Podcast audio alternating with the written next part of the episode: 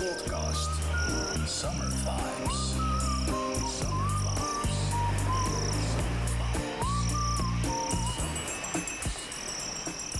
Leuk dat je luistert naar deze nieuwe aflevering van mijn podcast bij RTV Purmerend.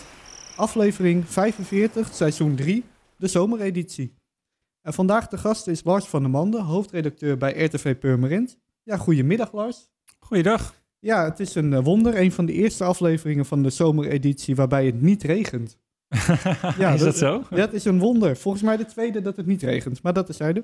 Eh, we zitten in een hittegolf, weet Ja. je het een beetje? Nou, eh, ja, officieel is op, de, de hittegolf wel gaande. Hè? Want het is dagenlang boven de 30 graden ook. En ehm, ik moet zeggen, als je je rustig houdt, is het toch wel goed, goed te doen. En vooral als je in veel gebouwen werkzaam bent waar een hele goede airco-installatie is. Of dat goed is met het coronavirus, moeten we allemaal maar zien. Want dat is natuurlijk wel de vraag. Maar eh, ik, ik ben in veel gebouwen met airco en daardoor heb ik wat minder Ja. last van. Je zit eigenlijk heel vaak binnen. Ja. ja. Eh, je bent bij eh, RTV Purmerend hoofdredacteur. Wat doe je? Ja, wat doe je als hoofdredacteur? Eh, nou, heel veel verschillende dingen. Ehm, maar het belangrijkste is toch wel zorgen dat eh, eh, ja, alle content die te zien is, op welk platform dan ook, want we hebben natuurlijk veel als, als lokale omroep en als mediaorganisatie, dat die door de beugel kan. Ehm, dat, het, dat, dat klopt, dat het waar is, hè, vanuit journalistiek oogpunt. Ehm, en dat, eh, eh, ehm, ja, dat is ik een van de belangrijkste dingen eh, uit mijn functie. toezien op, op dat de content die we maken juist is. Ehm, maar ja, verder ook het opleiden van mensen natuurlijk. Wie komt op welke plek terecht? Natuurlijk doen we het samen. Het is allemaal teamwork. Maar ja, daar ligt ook de eindverantwoordelijkheid voor bij mij. Zorgen dat de vrijwilligers de tools hebben waarmee ze kunnen werken. Dus we zitten nu in een hele mooie opnamestudio, ook wel de radiostudio natuurlijk. Ehm, eh, ja, als er iets niet werkt of wat dan ook, dan moet ik wel kijken met de mensen van techniek van hoe kunnen we ervoor zorgen dat het wel gaat werken. Of eh, dat zij de middelen en de tools hebben om eh, ja, eh, kwaliteitsdingen op te nemen of te maken. En dat geldt voor radio, maar ook voor tv natuurlijk. Eh, dus die handreiking geven, maar ook voor opleiding. Dus intern of mensen extern opleiden. Bijvoorbeeld ook wel eens in Hilversum. Om uiteindelijk te kunnen doen wat ze willen doen op deze plek hier. Ik denk dat dat een, ja, een beetje de omschrijving is van wat ik doe als hoofdredacteur. En, waarom ben jij in eh, 2008 hier begonnen? Ja, ehm, oh, je hebt wel goed research gedaan. Ehm, waarom ik hier begonnen ben? Nou, een collega van mij, eh, Nick Donkelo, die nog steeds voor dit station actief is voor, eh, als nieuwslezer. ehm, die vroeg eh, mij bij een jongerenprogramma wat ze wilde oprichten, Permission. Dat bestaat nog steeds. Dat vind ik echt heel erg leuk. En ja, die vroeg of ik erbij wilde komen. En hoe dat, hoe dat gegroeid is, ik weet het niet. Het is gewoon een moment in je leven dat zo loopt. En wat heel toekomstbepalend voor mij is geweest. Anders was ik nu administrateur geworden waarschijnlijk. Ook heel erg leuk. Ehm, nog steeds gek op cijfers. Maar dan had het niet eh, de wending gekregen die het nu had gekregen. Want was dat het overwegen waard dat je dacht van... goh, ik wil toch nog administrateur worden aan de ene kant... en aan de andere kant de media in? Of heb je het hier toen een keer gekeken en toen dacht je, dit wordt het? Nee, het begon hier als hobby. Dus ik eh, zat hier één keer per week. Dat werd twee keer per week. werd misschien drie keer per week. En op een gegeven moment toen dacht ik, ik vind dit toch wel heel erg leuk. Ehm, moet ik hier dan niet toch wat meer mee gaan doen in de toekomst? Eh, wil ik hier niet in eh, als ik later groot ben? Ehm, en toen had ik mijn mbo-studie afgerond. En toen was het of ik ga nu werken. Administrateur was misschien hartstikke goed in geworden, geen idee. Of ik ga nu toch die hbo-studie doen, media en entertainment management. En ik ga kijken of ik die kant op kan. Ehm, en eigenlijk ging dat gewoon hartstikke goed. En zo ben ik eigenlijk die kant op gekomen dat ik echt dacht, hier ga ik mijn werk van maken. Want in de afgelopen, eh, na twaalf jaar heb je verschillende functies gehad. Je bent presentator geweest, projectmanager, nu hoofdredacteur. En daarnaast eh, regisseer je soms Studio Purmerend en doe je andere dingen. Wat vind je het leukste? De afwisseling. De afwisseling. ja. Ja, nee, het is heel moeilijk eh, te zeggen. Ehm, daarom doe ik ook nog wel heel veel. Ehm, dat helpt me sowieso om te kijken wat de vrijwilligers natuurlijk hier nodig hebben aan apparatuur, aan kennis en dergelijke. Dus meedraaien zorgt ook wel voor een bepaalde eh, ehm, binding met, met de organisatie en de mensen natuurlijk hier. Ehm, maar ik vind, ja, ik vind alles leuk. Het regisseren vind ik inderdaad leuk. Maar ook eh, met vrijwilligers kijken hoe we eh, bepaalde dingen beter en op een andere manier kunnen doen projecten. Eh, ik heb een wat, ja, wel een organisatorisch talent, zeg maar. Dus die kan ik goed gebruiken bij grote projecten om die uit de grond te stampen. Ehm, maar ja, het andere moment ben ik weer bezig met hoe kunnen we nou zorgen voor meer inkomsten bij het station. Ehm, dus het is wel de afwisseling of de samenwerking in de regio bijvoorbeeld, eh, die, die het voor mij heel erg, eh, heel erg leuk maakt. Soms wel ingewikkeld hoor, dat ik ook zeg maar zelf medewerker ben.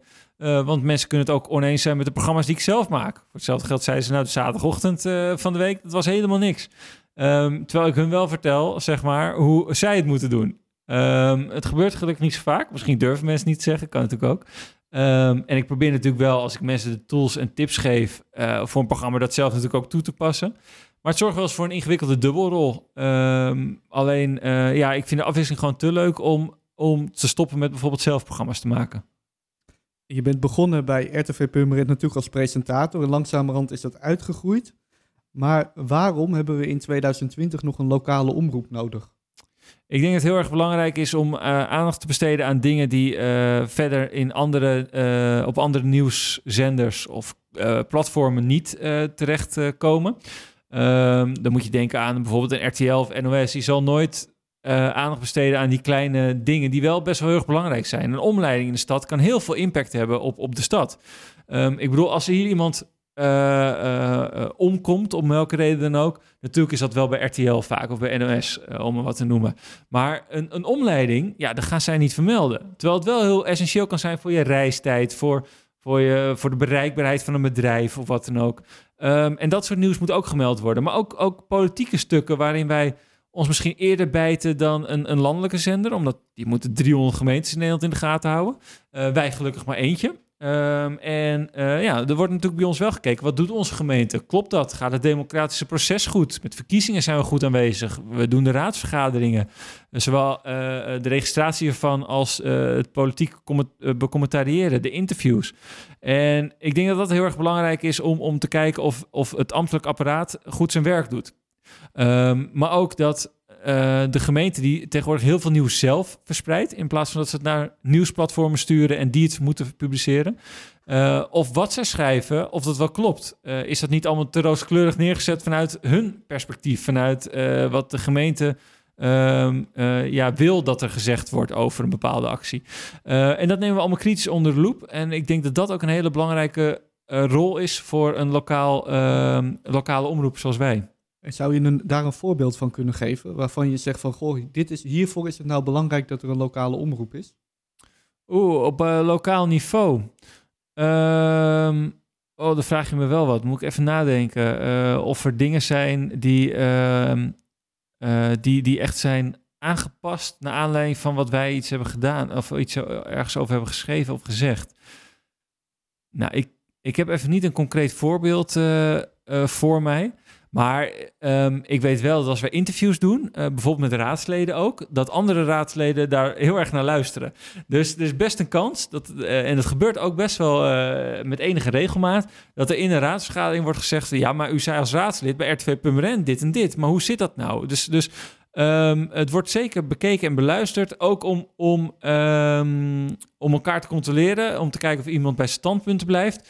En uh, dat heeft zeker ook invloed op uiteindelijk de besluitneming. Want als, als iemand bij ons gezegd heeft, een bewoner of een ander raadslid, uh, op welke manier hij naar een bepaalde situatie kijkt, dan uh, kan het best zijn dat het in de raad wordt besproken en dat ze daar tot de conclusie komen dat het dus eigenlijk helemaal niet goed is welke kansen opgaan, bijvoorbeeld. Um, een concreet voorbeeld heb ik helaas niet, maar, maar het, het gebeurt genoeg dat, um, dat publicaties van ons en nogmaals, op welk platform dan ook, uh, wel gevolgen hebben voor, voor beslissingen of, of uh, ja, momenten in de stad. Uh, vorig jaar is de, is de hele studio verbouwd. We hebben een, een televisiestudio, een nieuwe radiostudio hebben we gekregen. En vervolgens komt dan corona. Um, hoe belangrijk is die verbouwing geweest in de functionaliteit tijdens zo'n crisis? Uh, heel belangrijk, omdat uh, hiervoor hadden wij een radiostudio waarbij we aan een redelijk, uh, relatief klein blad zaten. Ehm, daar hadden we misschien met z'n tweeën kunnen zitten, denk ik, in die ruimte. misschien met z'n drieën. maar dit is ge gebouwd op vijf personen. En als we goed uit elkaar gaan zitten, lukt dat ook nog wel als het nodig is. Zoveel mogelijk interviews proberen we op afstand te doen, via Skype, telefoon. Maar als het echt nodig is, dan kunnen mensen wel naar de studio komen en, en kan de afstand bewaard worden. Um, we hebben een ruim radiomeubel, dus we kunnen hier met genoeg mensen aanzitten. Onze regie is echt een essentiële uh, verandering geweest. Um, voor de mensen die het niet weten, in de regie worden onze kamers geschakeld, de live-uitzendingen gemaakt. En daar konden we vroeger maar met twee personen zitten. Uh, en nu was hij gebouwd op zeven personen. Ja, helaas. Het is nu teruggebracht naar maximaal drie à vier personen in die ruimte. Um, maar als we dat niet hadden gedaan, dan had er dus maar één iemand kunnen zitten. Nou, dan hadden heel veel uitzendingen niet meer door kunnen gaan. Ehm, dus dat is wel echt essentieel geweest. En in de tv-studio, die hadden we niet, dus die is erbij gekomen. Maar die gaf ons wel de mogelijkheid om op een simpele manier, ehm, ook tijdens die coronacrisis, eh, snel eh, extra uitzendingen kunnen maken. Bijvoorbeeld het gesprek met de burgemeester. Wat we nu maandelijks voeren, eh, door die coronacrisis eigenlijk, maar in het begin wekelijks van die coronacrisis. En als we die niet hadden gehad, ja, dan hadden dat soort uitzendingen een stuk ingewikkelder eh, voor ons geworden, omdat we naar een andere locatie hadden gemoeten. Dan heb je weer meer, mensen nodig. Dus ehm, eh, helaas is er corona, want, ehm, eh, eh, want, want we kunnen niet de ruimtes benutten zoals we het echt hadden gewild. Maar gelukkig hebben we het zeg maar onbewust al coronaproof gebouwd. En allemaal wat groter uitgepakt. Waardoor we dachten, dan zitten we voor de komende jaren weer in, in ons jasje. Want je wil niet dat je verbouwt en dat je meteen een jaar later roept... we zitten weer te krap. Dus we hebben eh, ruim verbouwd, zeg maar. Eh, en ja, dat, dat valt nu helemaal goed met de coronacrisis en de ruimte die je nodig hebt. En hoe kan het dat je dan na een paar jaar weer te krap zit? Wa- Wat is er dan gebeurd? Komen er nieuwe vrijwilligers bij? Ja, ehm, als we kijken, kijk, 1995, toen de omroep werd opgericht, was ik niet bij. Maar toen waren we een radioomroep. Toen begonnen we met, eh, met radio maken. Daar kwam de website bij. eh, het bijhouden van website. TekstTV kwam er natuurlijk eerst nog bij trouwens, moet ik eerst zeggen. Eerst TekstTV, eh dus de nieuwspagina's op tv. Toen kwam de website erbij. En toen gingen we steeds meer televisie maken. Waarvoor we nu ook die tv-studio nodig hebben, een grotere regie. Redactiewerk neemt toe, dus een grotere redactie slash ontvangstruimte is fijn. Er komt in al die jaren vanaf een radiostation naar een volwaardig tv- en radiostation met al die online platformen ook een ontzettende grote apparatenruimte bij kijken met servers en dergelijke. Dus dat groeit allemaal. Maar ook je vrijwilligers, zeker. Waar ze begonnen met, nou ja, een, een enkeling denk ik. Want ze begonnen met één uitzending op zondagmiddag van twee uur volgens mij hier. Nieuwstraat heette dat. Ehm, toen zat de studio ook nog daar trouwens. Ehm, toen, toen begonnen ze met een kleine club. Inmiddels hebben wij bijna 80 vrijwilligers. Nou, dat, die moet je wel een plek geven. Ze zijn nooit allemaal tegelijk, eh, maar dat, dat groeit wel. En een hele belangrijke ontwikkeling is natuurlijk ook dat de Beemster eh, straks eh, onderdeel is van, van de stad Purmerend. En ja, ongetwijfeld dat er weer nieuwe vrijwilligers komen, want ook daar zit een, een publiek van, ik geloof, 10.000 tot 18.000 mensen. ehm, die wel bediend moet worden. En het liefst doe ik dat met mensen die uit de streek komen. Dus uit die wijk Beemster straks, hè, wat het dan waarschijnlijk wordt. ehm, dat daar mensen vandaan komen die gaan bijdragen aan het nieuwsaanbod, ook voor de, voor de Beemster. En stel, ik, eh, ik kom uit de Beemster en ik wil me graag aanmelden bij RTV Purmerend. Eh, wat kan ik dan gaan doen? Ehm, dat ligt eraan wat je wil doen. Ja, ik, nou ja, stel ik zeg van nou, ik, eh, ik heb geen idee. Het lijkt me wel leuk. Ik heb wel eens op tv naar jullie zitten kijken, op de radio. En ik heb wel eens een, een podcast geluisterd. Hè? Ja. Maar. Ehm, ja, wat zeg je dan? Hoe gaat zo'n opleidingstraject dan in zijn werk?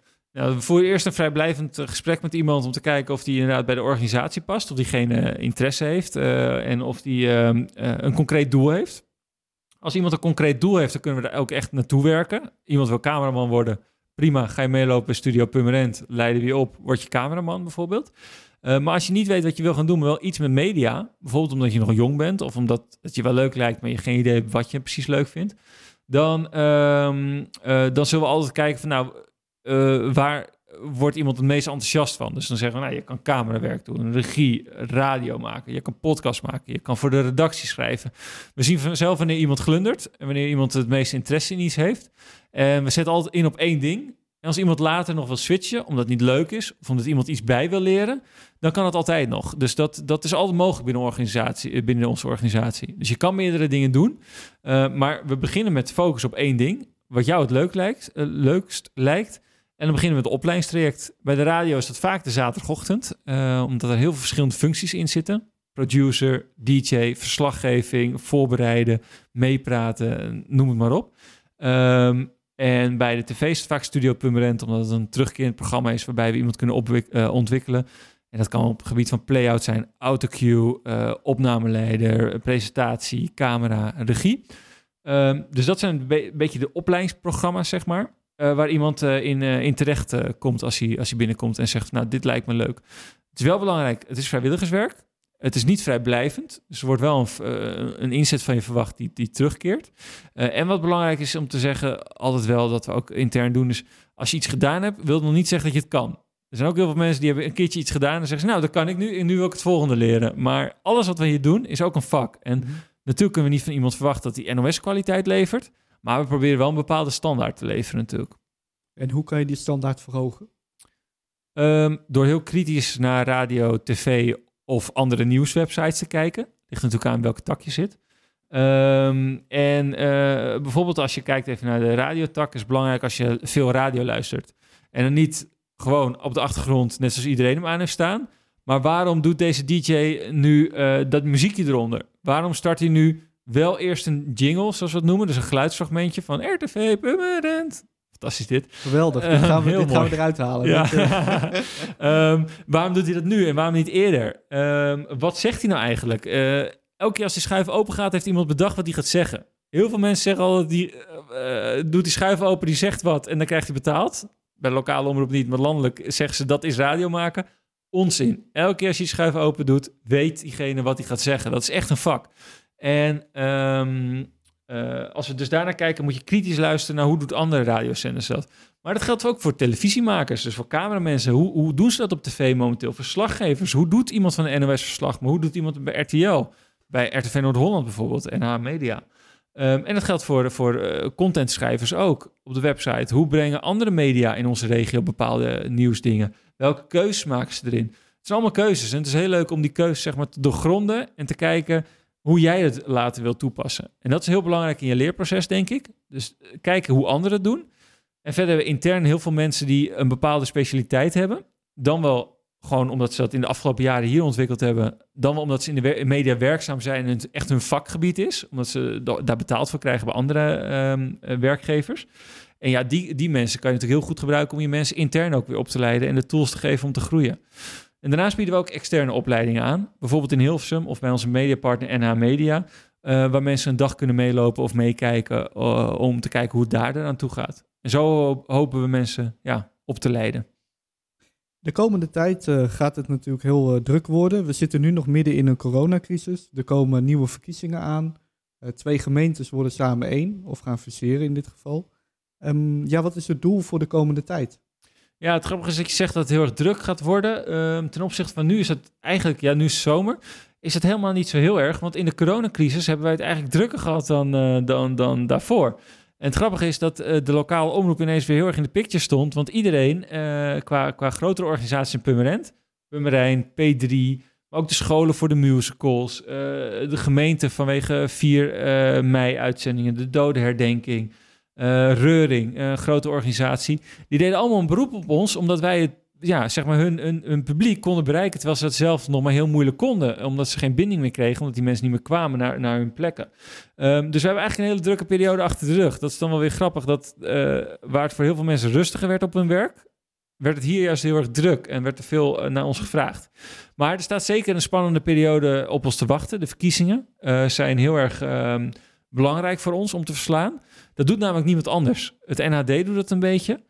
Misschien Rodi Media nog een beetje, Regio Purmerend. Maar dat, dat toch wel een stuk verder vanaf dan RTV Purmerend. We zitten al bovenop de verkiezingen samen met NHD. En ik denk dat het goed is dat het gebeurt. Eh, zeker ook met een fusiegemeente. Waarbij ook de Beemsterlingers zich zag vertegenwoordigd moeten worden door de raad die er komt natuurlijk. Ehm, in, een, in een veel grotere stad. Relatief zijn ze klein. Maar ja, er moeten ja, raadsleden vanuit de Beemster toch in Purmerend komen. Of in ieder geval die streek ook vertegenwoordigen. Ehm, dus da- daar staat ons nog wel een goede taak te wachten om te zorgen dat, eh, dat, dat het publiek, zowel Purmerend als Beemster, geïnformeerd wordt over wat de verschillende partijen in Purmerend nu precies van plan zijn met de stad. En de eerste ballonnetjes voor de verkiezingen worden opgelaten door bepaalde partijen die allerlei suggesties doen van zouden we dit en dat niet in Purmerend moeten hebben.